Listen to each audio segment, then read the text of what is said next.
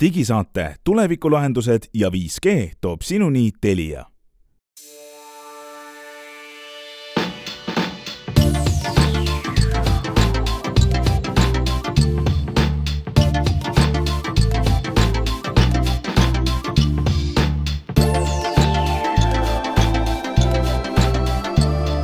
tere, head digisaate kuulajad. Kaheksas august on käes ja meie järjekordne saade alustab. me oleme täna kolmekesi, Hendrik Roonemaa, Hans Laugas ja Meelis Väljamäe. ja võib-olla isegi neljakesi, sest saate teises pooles lisandub meile üks intervjueeritav, kes räägib sellest, miks ta otsustas oma hobist teha äpi ja kui raske see on, kui äge see on ja kui edukas see on. aga alguses räägime uudistest. alustame sellest, kuidas Amazon tungib meie elutuppa, magamistuppa, kööki, esikusse ja mujale oma uudishimulike silmadega kuidas autoettevõtetel läheb kehvasti, alates sellest, et autod ei oska sõita ja rattad tulevad küljest ära. ja paar kasulikku nippi neile, kes tahavad laiendada oma wifi't kodus. selline saade on augustis kaheksandal, digisaade teiega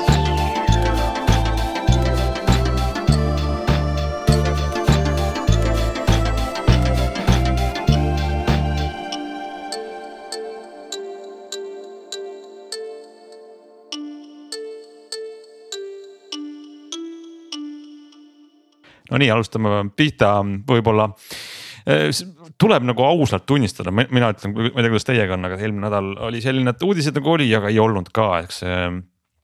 mõni nädal ei ole nii rikkaliku saagiga nagu, nagu mõni teine. aga ometi Amazoni suur käik eelmisest nädalast jäi silma mm, ja nimelt teatas Amazon, et ta ostab äh, väga tuntud äh, iRoboti looja, mis on siis kuulus äh, robot-tolmuimeja äh, äh,. Nende tooja, kelle nimi, vabandust, tootja, kelle nimi on äh, Roomba või ajasin ma praegu sassi, kas Roomba on see seade ja iRobot on firma või vastupidi? niipidi jah, iRobot on firma ja Roomba on äh, konkreetselt äh, robot-tolmuimejate äh, bränd. eks tegelikult iRobotil on ju terve hunnik äh, teisi brände veel, et nad teevad hästi palju tööd äh, sõjaväega, eks neil on mingisugused sõjarobotid olemas ja mingid, mis ongi tegelikult nende põhiäri ja lisaks on neil teise brändi all, mis mul praegu meelde ei tule, on neil põrandapesurobotid, mis siis mitte ei tolmu ime, vaid põranda ainult pesevad. ja need ei ole rumba nime all, vaid need on mingi teise nime all. et ühesõnaga nad teevad ikkagi jah, rohkem asju kui ainult rumbat. aga samas ah,, selle nimi vist on Brava, kui ma nüüd õigesti aru saan. täpselt Brava, jah no igatahes ettevõte, mis tegu-, tegutseb käsitöö robotiseerimisega ja, ja, ja Roomba on noh, ütleme sellel turul olnud üks selline teed rajav toode ja edukas. Nad olid tegelikult esimesed jah. jah, kes äh, edukalt käima läks ehm, või võib arvata, et kindlasti on see veel kasvav turg, sellepärast et me tahame teha, teha vähem nõttetud käsitööd, seadmeid, aga see on väga küps turg, sest need tootjad on tohutult. robotid robottolmuimed on plahvatuslikult kasvav turg just praegu, ehk siis on, mis tõuksid on teine asi ja robottolmuimed on. on, on järgmine asi, mis on nagu sellised asjad, mis, mida inimesed väga ostavad, sest et neid on väga vähestel olemas ja paljud tahavad, eks ole, et. kuidas sa seletad seda, miks praegu siis hakatakse mõtlema, et ma ei viitsi enam ise tõmmata tolmu ja nüüd, sest see on ikka, kas ei ole kümme aastat olnud see toode olemas? kaks asja, punkt üks on see, et robotolmuimed on läinud piisavalt heaks. Nad teevad piisavalt head tööd ja punkt kaks on see, et nende hinnad on tulnud alla luksuskaubast taskukohaseks. ehk siis üks asi on see, et meie palgad on tõusnud kõvasti võrreldes kümne aasta taguse ajaga, teine asi on see, et, et kui sa isegi ei taha või, või sul ei ole võimalust lubada endale ägedat äpiga sellist väga intelligentset ja sellist, mis suudab igasugustest erinevatest asjadest äh, aru saada, mis sul toas põrandal on, nagu Glen hiljuti rääkis või, või sellist robotit, mis maksab üle tuhande euro ja suudab ennast siis tühjendamas käia ise kuskile dokki. siis tegelikult paarisaja euroga saad sa sellise äh, roboti, mis maksis veel aastat kolm-neli tagasi tuhat eurot, mis lihtsalt jookseb sul mööda tuba ringi suvalises äh, järjekorras ja teeb lõpuks sul ikkagi selle toa puhtaks, eks ole, et. et tegelikult hinnad on läinud kättesaadavaks kõigile ja see on nagu üks põhiline asi ja loomulikult ka see, et inimesed muutuvad järjest mugavamaks, eks ole.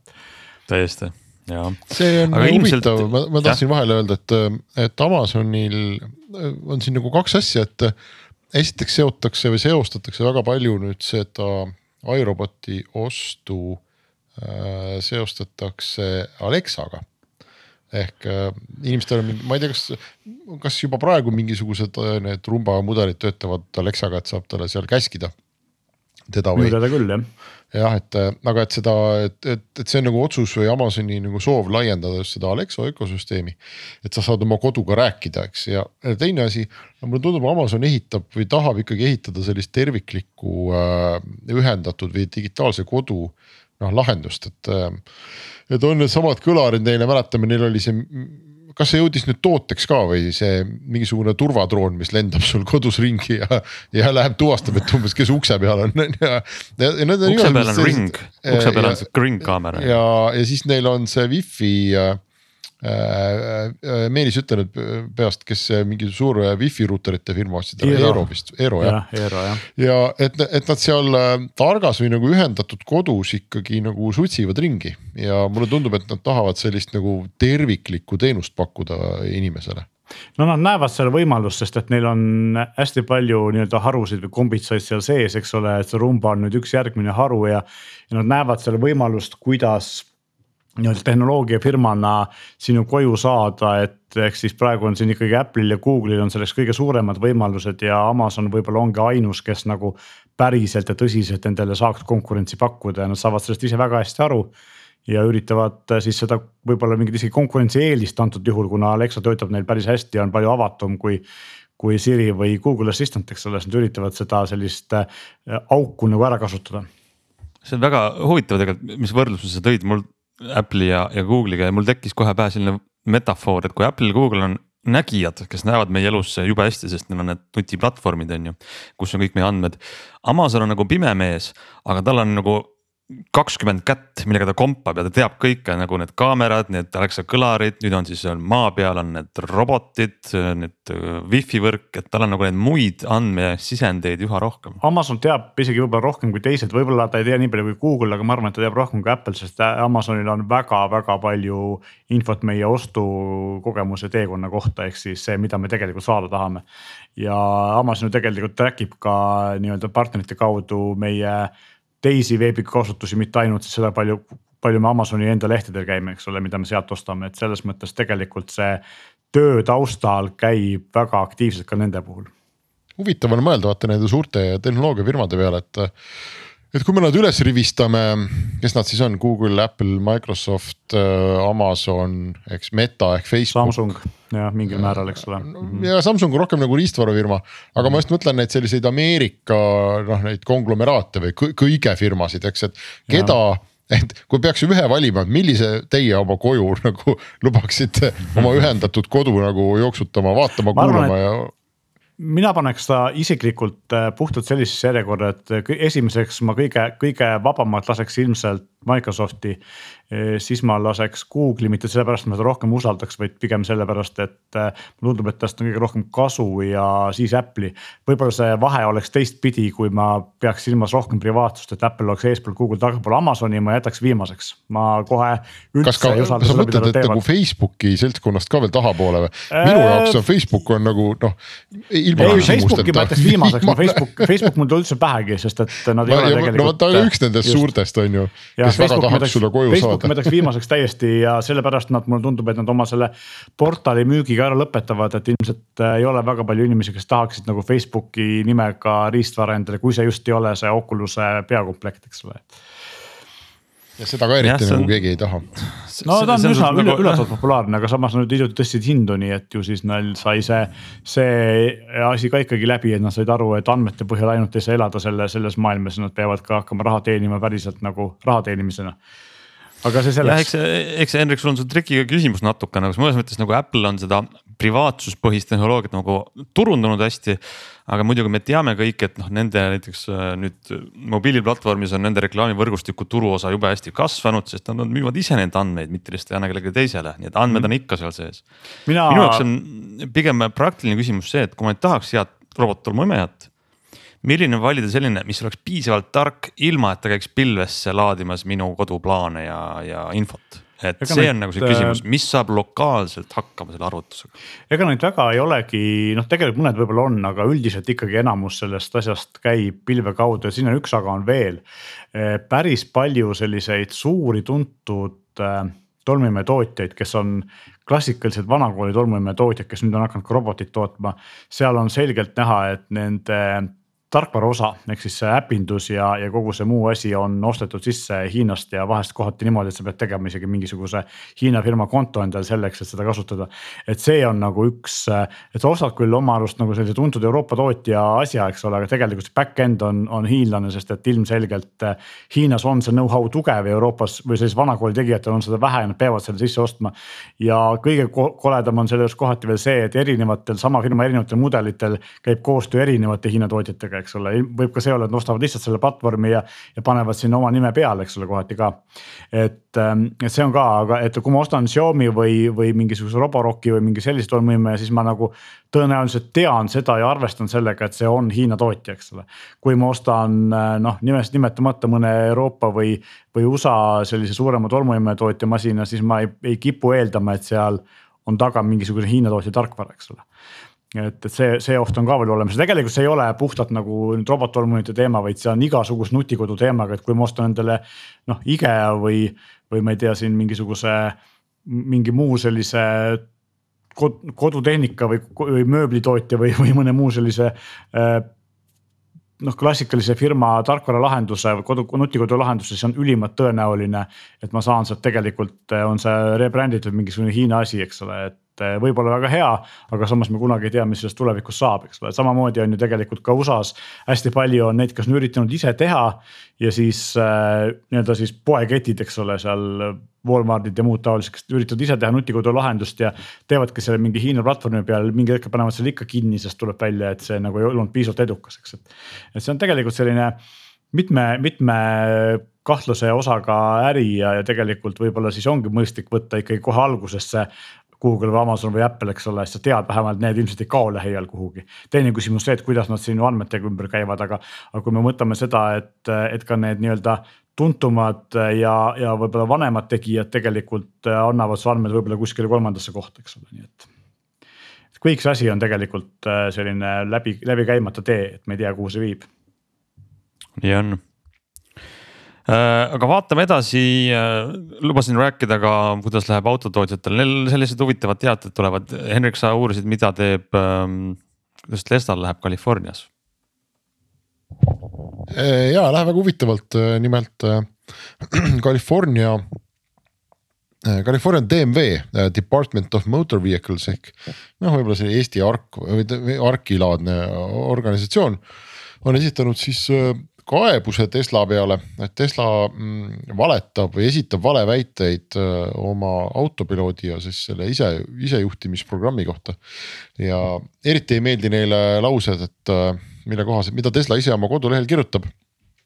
et see isejuhtimissüsteem on äh, siis disainitud selleks, et ta oleks võimeline tegema või läbi viima siis lühikesi ja, ja ka pika distantsi reise ilma et äh, juht peaks üldse mitte midagi tegema, no action required, see on see ingliskeelne äh, sõnastus seal. Ja, ja Tesla ka väidab, et, et see auto on siis võimeline navigeerima linnatänavatel, keerulistel ristmikel ja kiirteedel. ja need laused ei meeldi California DMV-le või California ARK-ile ja nad on jah siis öelnud, et, et tegemist on ikkagi tarbija eksitamisega, et kõike seda see auto ju sellisel kujul kindlasti mitte ei võimalda. ja no eks siis näeb, mis nüüd saab, et teoreetiliselt neil on võimalik isegi tegelikult Tesla nii-öelda litsents või automüügi litsents Californias ära võtta. aga noh, arvestades kui kui palju Californiased armastavad Teslasid, ma ei usu, et ja. nad seda teevad, et nad seda ka julgeks teha, aga. aga tegemist on tegelikult vist ja. esimese korraga, kui nii kõrgel tasemel või ütleme, nii suurelt on neid Tesla isejuhtimise ja noh, tegelikult mingis mõttes ka Elon Musk'i väiteid ähm, luubi alla pandud tead, see on nagu natuke nagu, kas see ei ole peegelpildis lugu, see, mis toimub Toyotaga praegu, sest et ma just vaatasin, miks Toyota on tagasi kutsunud ja, ja täitsa pidurit pannud oma elektriauto müügile seal USA-s, et seal on jube keerulise mudeli nimega masin BZ4X äh, mille siis tagasikutsumine juba mõni, mõni aeg tagasi kuulutati välja, kus autosid on ainult müüdud paar tuhat ja nüüd on siis öeldud ka, et palun äh, juhid, omanikud, äh, liisijad, tooge auto hooldusesse. sellepärast, et sõidu ajal võivad kõik Boltid ratta küljest loksu minna ja ratas võib ära tulla. ja lahendus on see, et jätka auto teenindusse.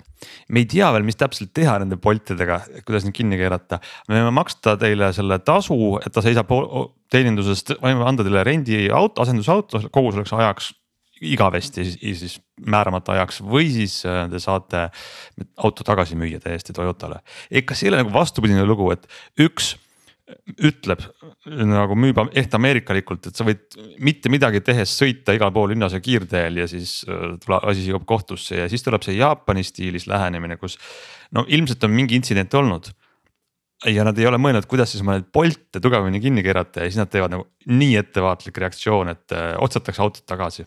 vaata, siin on nagu see asi, et äh, Tesla on uus firma ja, ja neil on selline juht, kes nagu mitte millegi ees risti ette ei löö, eks ole, pigem nagu peksabki segast enne, kui, kui asi äh, tõde välja tuleb, sest et müüa on vaja, et ta nagu meistermüügimees, eks ole.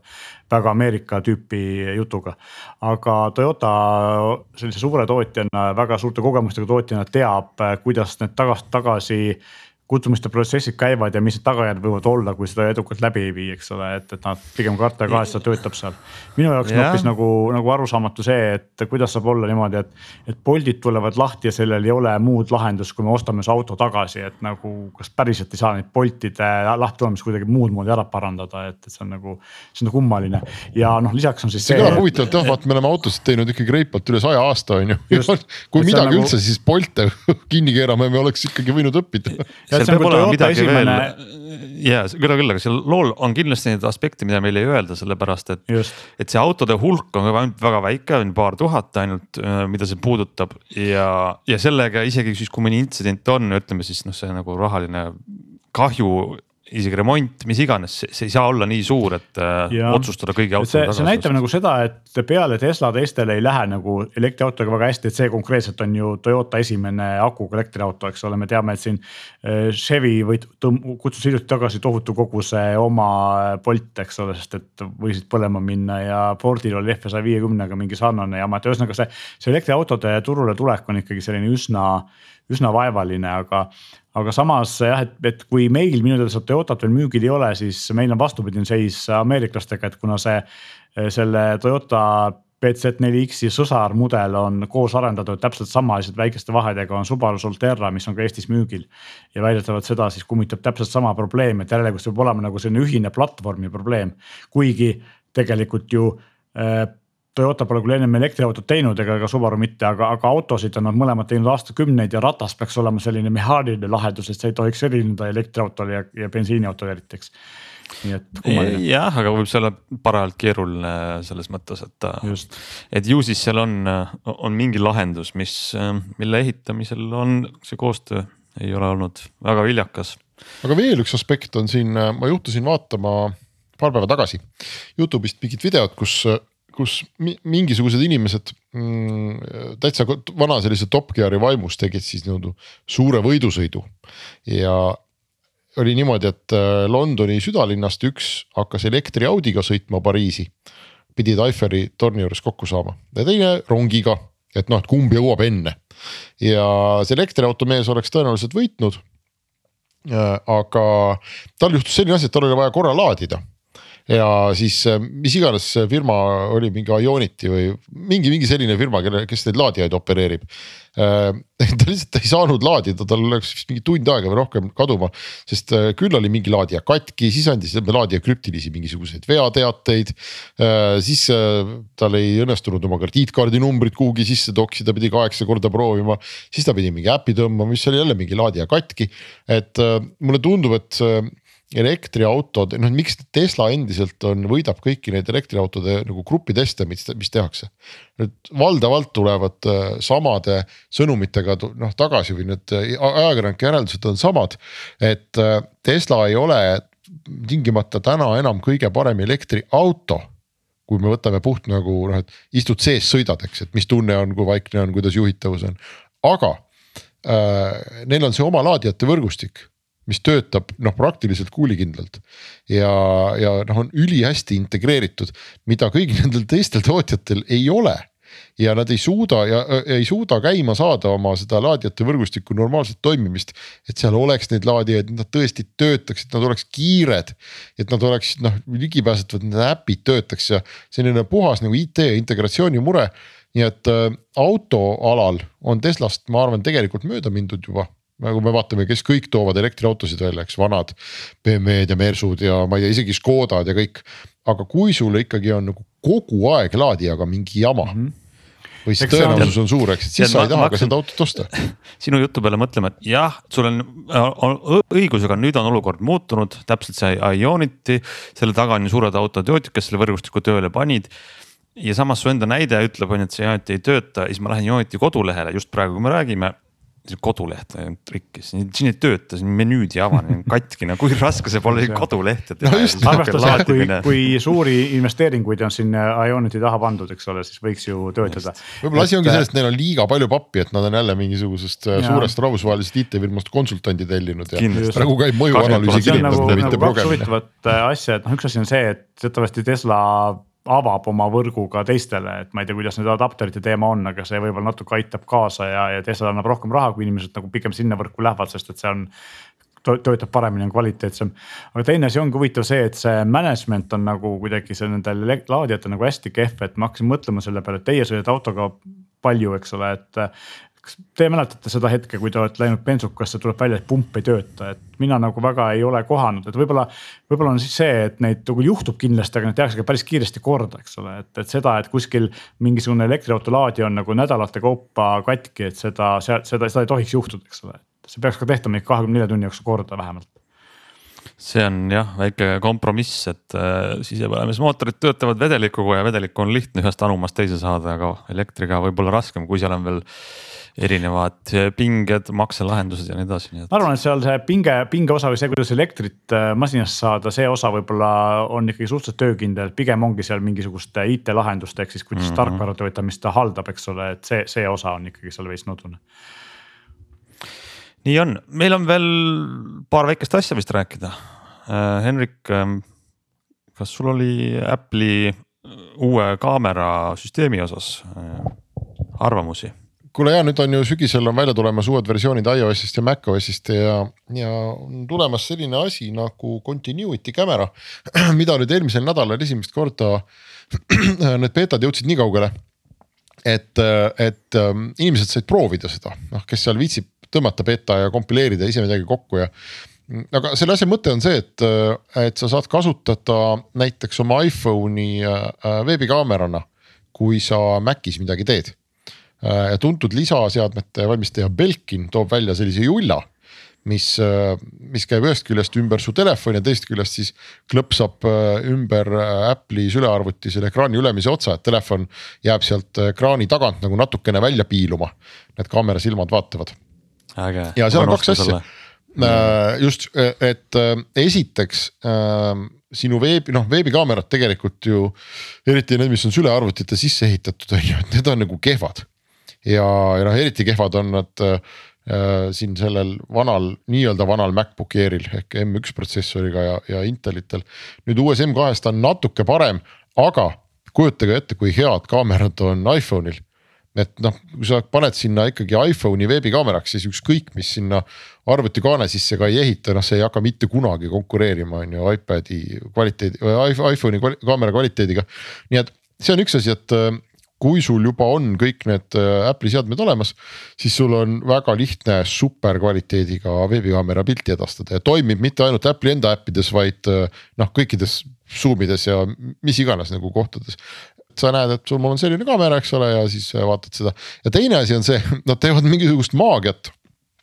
et kui sa, et see lai nurk kaamera, mis on telefoni küljes, see näeb ka sinu ette laua peale ja põhi ja nad põhimõtteliselt simuleerivad või ma ei tea, emuleerivad, mis see õige sõna on, ähm, nii-öelda ülalt alla kaamerat. et, ähm, et ta väänab selle pildi reaalajas nagu sirgeks, eks sul on võimalik näiteks enda ees äh, paberil midagi sirgeldada või no mingeid jooniseid teha näiteks laua peal. ja see inimene, kellega sa videokonverentsi pead, sellele tundub, et kaamera on siis sinu pea kohal, vaatab täpselt ülevalt alla. kuigi tegelikult on see kaamera sul endiselt seal äh, arvuti ekraani peal, eks ja, ja, ja käib lihtsalt suurem äh, selline pildi väänamine, et see enam-vähem täitsa toimis. päris fantastiline trikk tegelikult.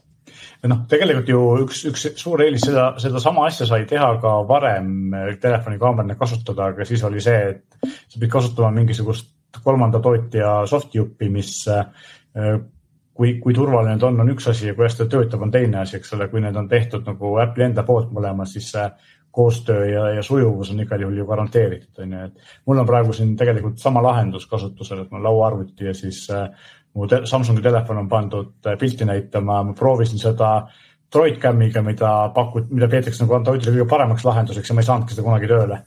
ja ütles mulle alati, et sead ei ole saadaval ja nüüd ma kasutan sellist asja nagu Irion webcam, mis tundub, et töötab päris hästi ja vähemalt siin mul endal on pilt väga hea, nii et. Ja, ja muide, seesama Irion webcam tegi midagi praegu su heliga siin äh, minut tagasi, et äh, selle oma päris mikrofonist oled sa nüüd lülitatud mingisuguse arvuti sisse ehitatud mikrofoni peale ja mingisugune, mingi tehisintellekt seal veel möllab lisaks okei okay,, no nüüd on parem ilmselt ei ole, nüüd on sama. ei kõik. ole, aga kuulajatele võib selgituseks öelda, et pilt on tõesti väga hea pilt on väga hea ja me näeme sind äh, väga hästi.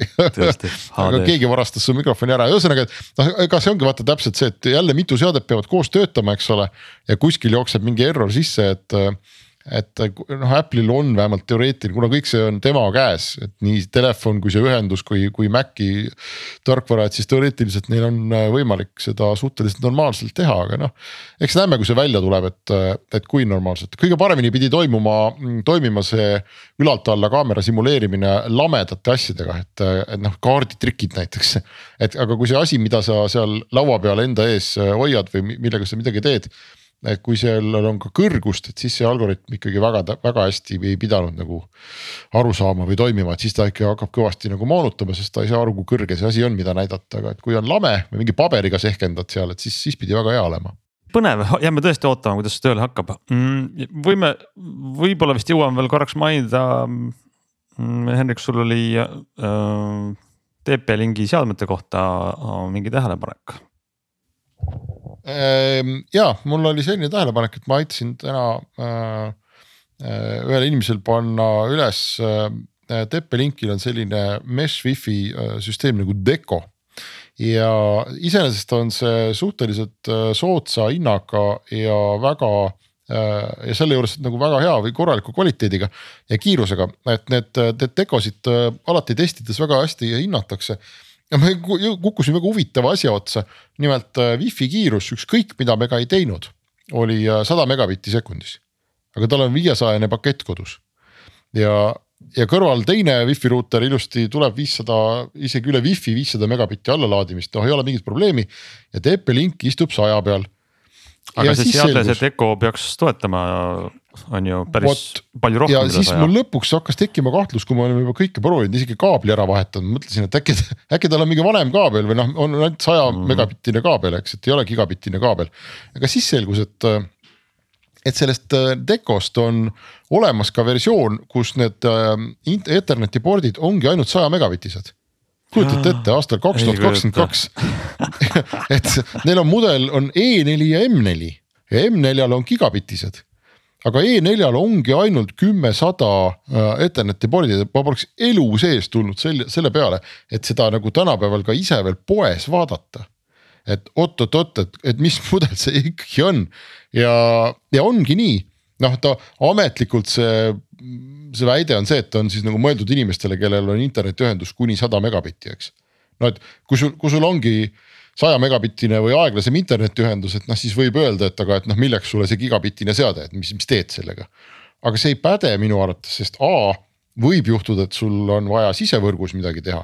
masinad omavahel võivad ju suhelda ükskõik mis kiirusega, eks Nad ei sõltu sellest interneti nagu välisühenduse. kuule, aga see on see, mis sa ütlesid praegu, see on ikka, ma, võtsin selle toote mm, nii-öelda äh, andmelehe lahti ja see on ikkagi noh, inimeste hull petmine, sest et ma loen andmelehelt, see seade toetab äh, viie gigahertsi peal wifi't kiirusega kuni kaheksasada kuuskümmend seitse megabitti sekundis. ja see on tõsi, aga see on wifi ja ma ütlengi, et sa vaatad seda, et kaheksasada teoreetiliselt noh, tuleb viissada ära ja siis on ethernet pordid kaks korda kümmesada porti, mis ja, on täpselt. nagu. Pea plahvatab ja täiesti arusaamatu ja, ja noh, teine asi, sa võid öelda, et okei okay,, mul ei ole ka noh sisevõrgus, et ma saadan ainult printerile aeg-ajalt üle wifi midagi, et mis ta selle gigabitiga teeb.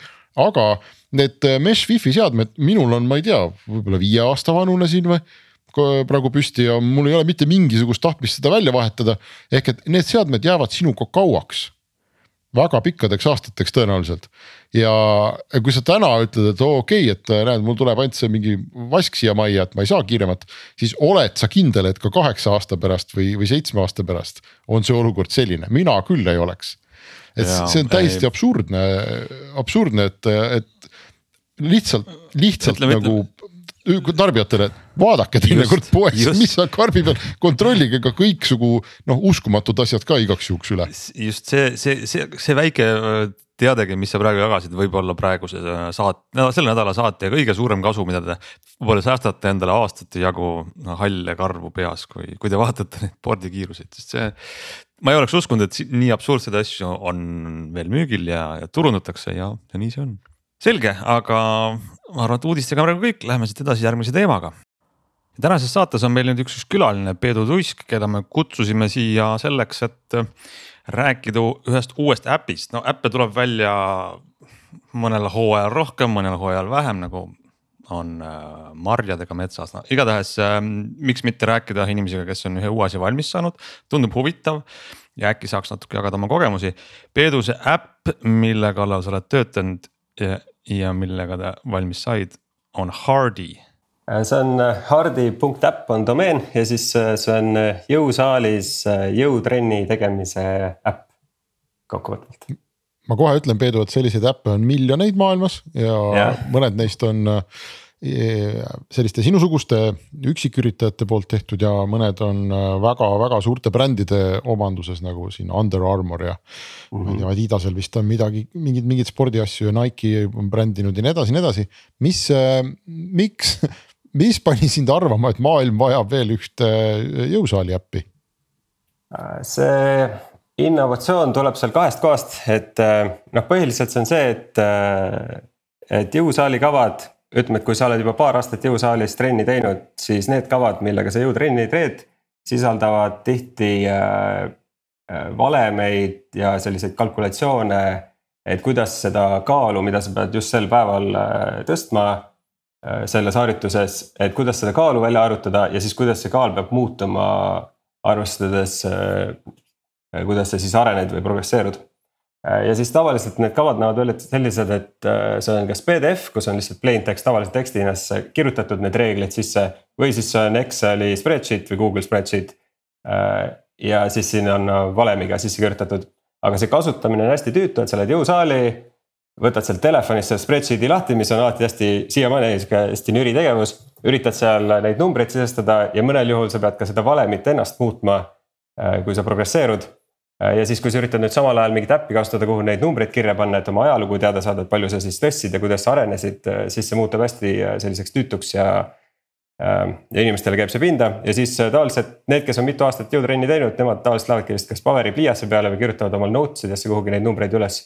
et nad neid selliseid äppe, mida on neid miljoneid maailmas, tihti need inimesed ei kasutagi nii väga Äh, ja siis meie innovatsioon on see, et see on siis, me alustasime nagu sellest otsast, et kes on, kes on tõeliselt siuksed jõusaali hundid, et neile teeme selle äpi, mida nad saavad ka päriselt kasutada. ja siis hakkame vaatama sealt võib-olla selliste tavainimeste poole lähemale. ma küsin ühe näite kohta, ma ise äh, sporti meeldib teha, aga jõusaalis ma ei käi, et äh, kas see algoritm on siis väga keeruline, et ei ole nii, et panen iga kord, ma ei tea, kaks kilo juurde ja natuke raskem ja. ja see on kõik, vaid, vaid on see siis keeruline arvutus ütleme, seal on paar näidet, üks klassikaline näide on selline, et äh, ütleme. sa maksimum, mis sa rinnalt suudad suruda, näiteks on sada kilo ja siis äh, sa lähed trenni, sa pead trenni tegema, ütleme kaheksakümmend protsenti siis sellest äh, maksimumist ehk siis kaheksakümne kiloga. ja siis need varieeruvad et kaheksakümmend protsenti, kaheksakümmend viis protsenti, kuuskümmend viis. ja siis nüüd on siis näiteks, et kui sa teed viis harjutust, teed ära ja viiendale teed otsa näiteks kaks juurde, ehk siis suutsid seitse teha, siis järgmine kord seda tõstetakse niimoodi, et sul saja. sada, mida arvatakse, et on su maksimum, on siis nüüd edaspidi kas sada viis või sada mingi kaks pool või midagi sellist. ja edaspidi see protsendi arvutus käib siis selle järgi. ja samamoodi näiteks, et kui sa ei teinud viite ära, tegid näiteks ainult neli, siis langetatakse, ütleme siis kümme protsenti. ehk siis, et tegelikult need algoritmid ei ole keerulised, aga neid on lihtsalt hästi tüütu äh, ise sisestada ja nendega mässata ja kui sa teed seda aastaid järjest, siis on hästi hea, kui oleks äh, mingi äpp. Kus saad lihtsalt numbreid sisestada ja see on ainult üks metodoloogia kasutab selliseid protsente, seal on mõned teised versioonid veel, mis. mis, mis noh, ütleme sarnase loogikaga natuke teistmoodi aga see on äh, siis tõesti, äh, kas see on nii keeruline või kas see on selline, ongi universaalne äh, jõusaali tõde, et, et seda arvutatakse niimoodi, ma, ma küsin sellepärast, et kunagi ähm, kui ma ka hakkasin jõusaalis käima, siis ma uurisin, siis algajatele öeldi, et noh, et põhimõtteliselt tõsta nii, et sa jaksad oma mis iganes kolm korda kümme nagu eeli-eeli ära teha, on ju. või noh, kaks korda kümme ja siis kolmandast võib-olla jõuad kaheksandani, et see on okei okay, nagu raskus. ja noh, et kui sa juba, kui liiga kergeks muutub, pane kilo juurde, on ju, ja pane jälle sama valemiga kaks korda kümme ja kolmandal noh, peaaegu kümme, et siis, siis on nagu hästi jah, see on algajatele on täiesti sobilik nõuanne ja niimoodi võibki teha ja siis äh, mingil hetkel ütleme pärast paari kuud või, või ütleme ka isegi aasta võib-olla olenevalt inimesest, äh, siis sa jõuad platooni, kus sa edasi enam ei arene. ja siis äh, peab hakkama kasutama siis teisi jõusaali kavasid, mis on natuke keerukamaid. ja ütleme, kui sa oled juba tõustnud jõudu, ütleme siis teinud jõudu viis aastat või isegi kümme aastat, siis need mõned kavad on tõesti, sisaldavad päris palju erinevaid reegleid. ja siis praegu need reeglid on lihtsalt sealsamas kava kõrval tekstina ja meil on siis need äppi, äh, meil on siis äpp selline, mis võimaldab ise neid reegleid oma kavasse juurde lisada, äh, ehk siis äh, inimene ei pea ise neid kalkulatsioone tegema, ta saab ise lihtsalt vajutada, et kui palju ta tõstis ja siis äpp järgmine kord soovitab tal selle kava alusel muuta. ja see innovatsiooniline koht on see, et me ei kirjutanud neid algoritme sinna äppi sisse, vaid me tekitasime selle võimaluse inimestel ise luua kavasid kasutades ükskõik, mis algoritme nad siis soovivad ehk siis äh, see on nagu laiem pind natukene, et äh, küll on aga... olemas selliseid äppe, mis on nagu spetsiifilise algoritmiga juba olemas, aga sellist äh, ei ole, mis võimaldaks inimesel ise neid luua seal. seda ma tahtsingi küsida, et tulles Henriku küsimuse juurde tagasi, et kas, kas jõusaali trenni tegijatel ei ole siis olnud võimalust, see on, see on huvitav. kas see on, ma saan aru, et te tegite selle ennekõike iseendale selle äpi või? jah, see ähm, teine co-founder, kaasautor Hendrik End, äh, kes, äh, kellega koos ma seda teen, ta on ise pikemalt aega jõusaalis käinud ja siis temalt tuli ka see idee, et see ongi enda probleemi lahendamine, tema mässas selle Google Spreadsheet'iga seal telefonis ja, ja siis lõpuks tal hakkas see nii palju pinda käima. ja kuna ta on ise IT-arendaja, siis, siis ta mõtles, et saab, saab paremini ähm,. kas see, kas see platoo tähendab, äh, millest sa räägid, kas see tähendab, et ähm, Äh, et jõusaalis käimine, noh, kui ma nüüd teekski põhimõtteliselt viis aastat selle loogika järgi, mida ma kirjeldasin, on ju. et kas see lihtsalt tähendab, et mu muskel ei kasva ja minu nagu tee, ma ei tea, sportlase poole jääb katki. Äh, või see tähendab, et see ongi nagu ka, ma ei tea, nagu sellise enesetunde või tervise poolest noh, täiesti mõttetu mul sama, sama kava järgi tõsta. ja mu küsimuse mõte on nagu see on ju, et kas, kas kõik inimesed, kes käivad vähegi pikemalt jõusaalis ka need, kes ei taha saada mingiks meistriks, on ju. et kas nemad jõuavad ka tegelikult väga kiiresti selle probleemi ette, mida sa kirjeldad. ja see äpp peaks olema noh, kõigil jõud, jõusaali käijatel telefonis. või see on ikkagi mõeldud nendele, kes tahavad kogu aeg äh, suuremaks, raskemaks ja lihaselisemaks saada?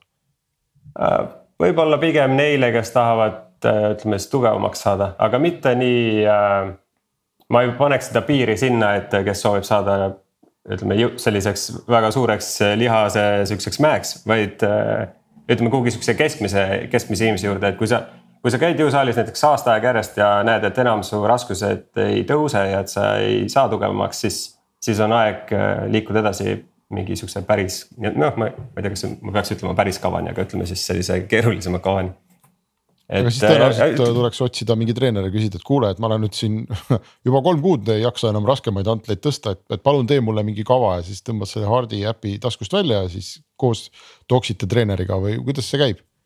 jah, klassikaline olukord on selline, et inimene läheb ise jõusaali, siis hakkab seal vaikselt ise kuidagi tegema äh, või siis kohe võtab siis privaattreeneri äh, ja privaattreener esimestele esimese käiguna tavaliselt annabki sellise lihtsama kava nagu see, mida sina ka nimetasid, et näiteks, et tõsta nii palju, et sa suudaksid kas viis korda või siis kaheksa või kümme korda tõsta.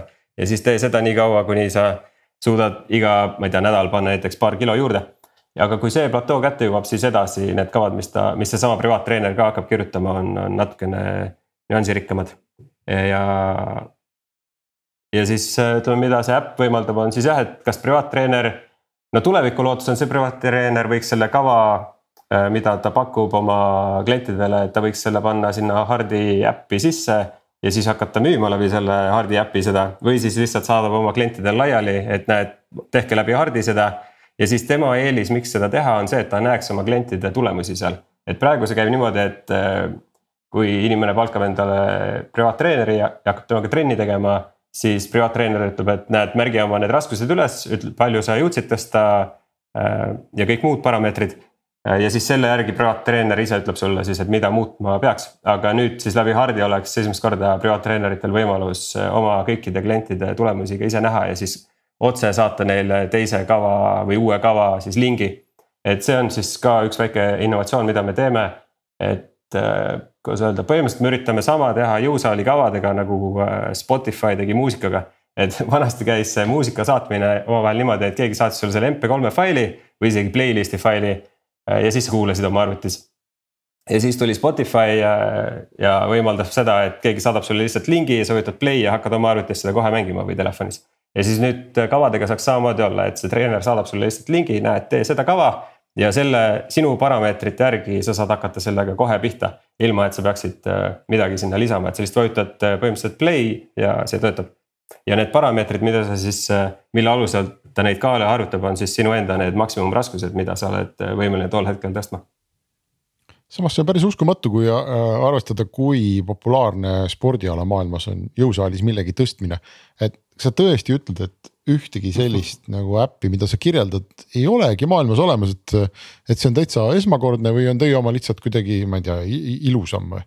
natuke ilusam on küll, aga teised on sellised, ütleme, seal on kui võtta nüüd detailsemaks, siis äh, ütleme üheksakümmend protsenti nendest kava, nendest äppidest, mida te seal näete, on passiivsed ülesmärkimise äpid, ehk siis, et sa võtad selle äpi lahti ja sa kirjutad, et näe, nüüd ma tõstsin seitsekümmend kolm kilo, nüüd ma tõstsin seitsekümmend viis kilo ja, ja siis see on põhimõtteliselt nagu sihuke äh,. pead päevikut jah, täpselt, ta on glorified notepad, et ta on lihtsalt päeviku pidamiseks passiivne üleskirjutamine. ja meil on siis äh, see kava ka sisse kirjutatud sinna äppi ja sa vajutad lihtsalt play ja hakkad seda kava tegema. ja siis kava ütleb sulle, palju sa pead tõstma ja salvestab need ära. ehk siis, et seal on selline see, seesama privaattreeneri see element on sees, kus privaattreener ütleks sulle, et mis kava sa pead tegema. see on sinna äppi sisse kirjutatud. Ütleme, üheksakümmend protsenti praegustest äppidest on siuksed passiivsed ja siis on mõned äpid millel on see aktiivne pool ka, et neil on see kava ka sisse ehitatud koos nende reeglitega. aga nad on äh, spetsiifiliselt ühe kava põhised.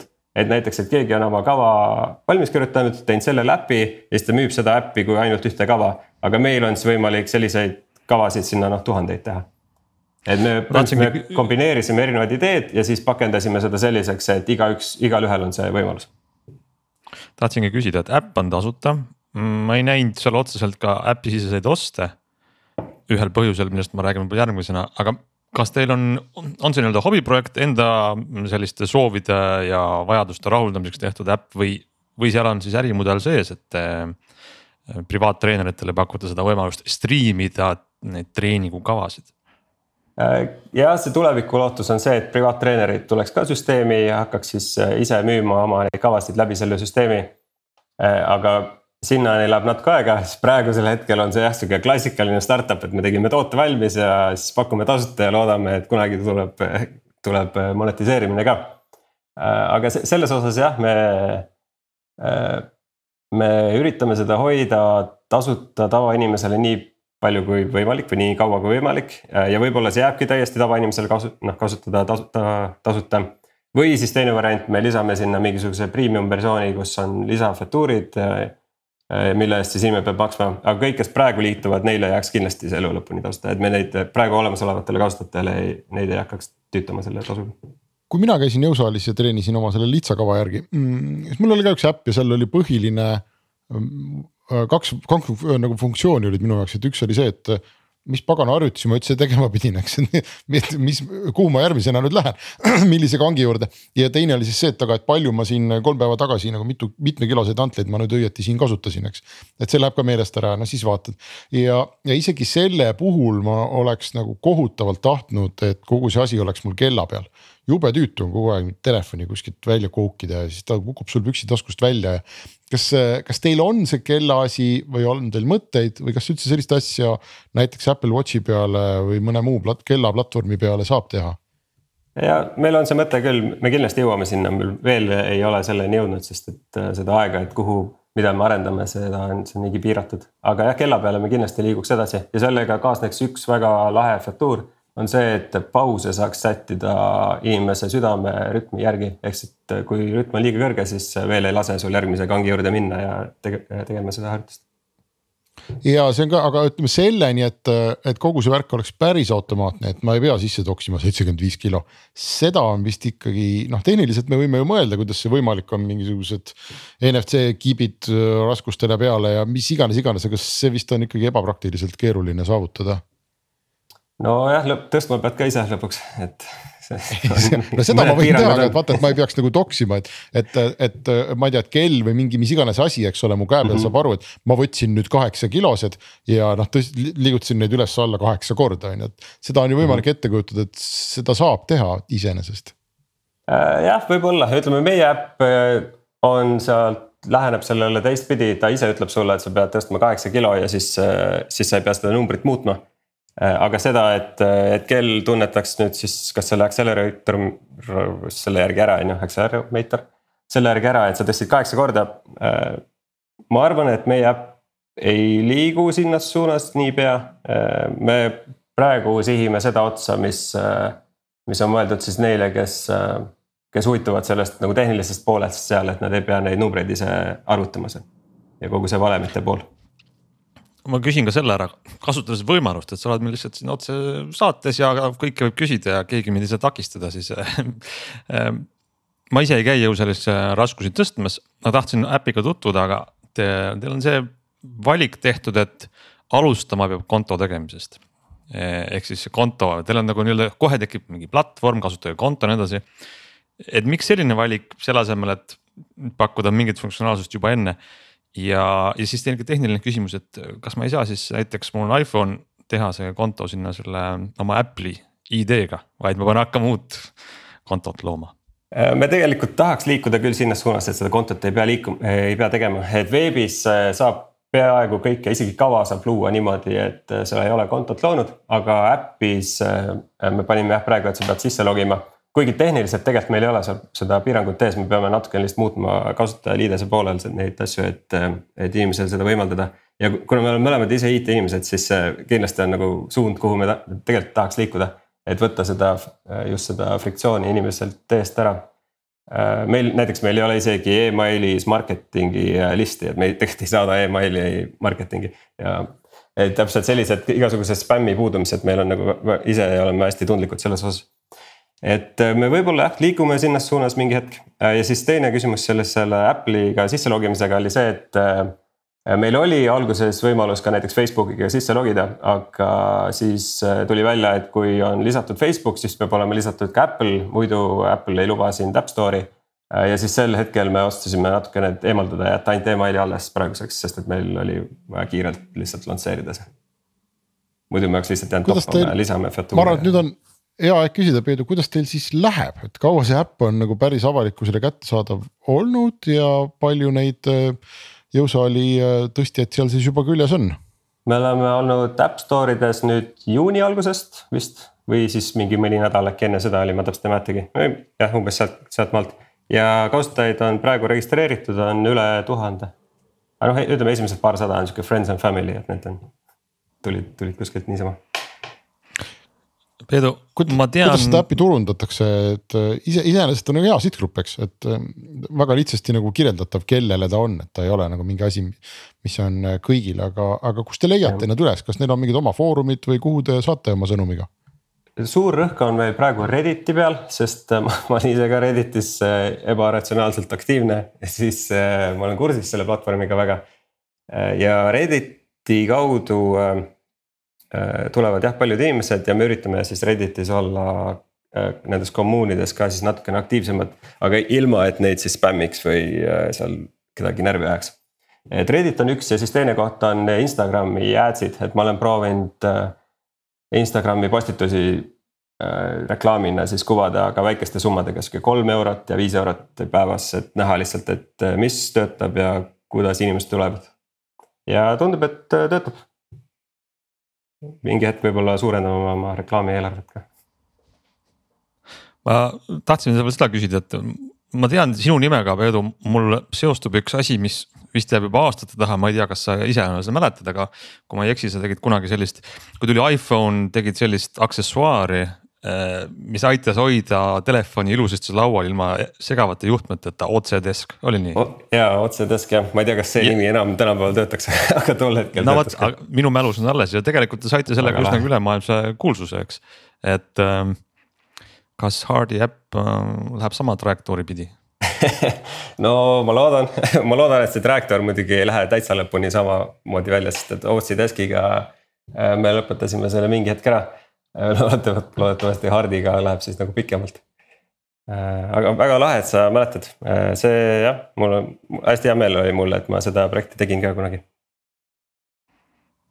väga vinge aga mulle tundub, et siinkohal võime sulle öelda aitäh tulemast, äh, jagamast ja võib-olla ka väikest inspiratsiooni andmast teistele, kes näevad, et nad tegelevad oma elus mingisuguse asjaga, kus. Jõle tüütu on PDF-i, Exceli või paberi ja pliiatsiga ringi käia ja, ja siis äh, äpp teeb enda elu paremaks ja teistel ka, nii et äh, võtke õppust ja, ja inspiratsiooni. Ja ma arvan, et meie Henrikuga soovime sulle ka, teie väiksele tiimile tuult tiibadesse ja et ikka raskused tõuseks.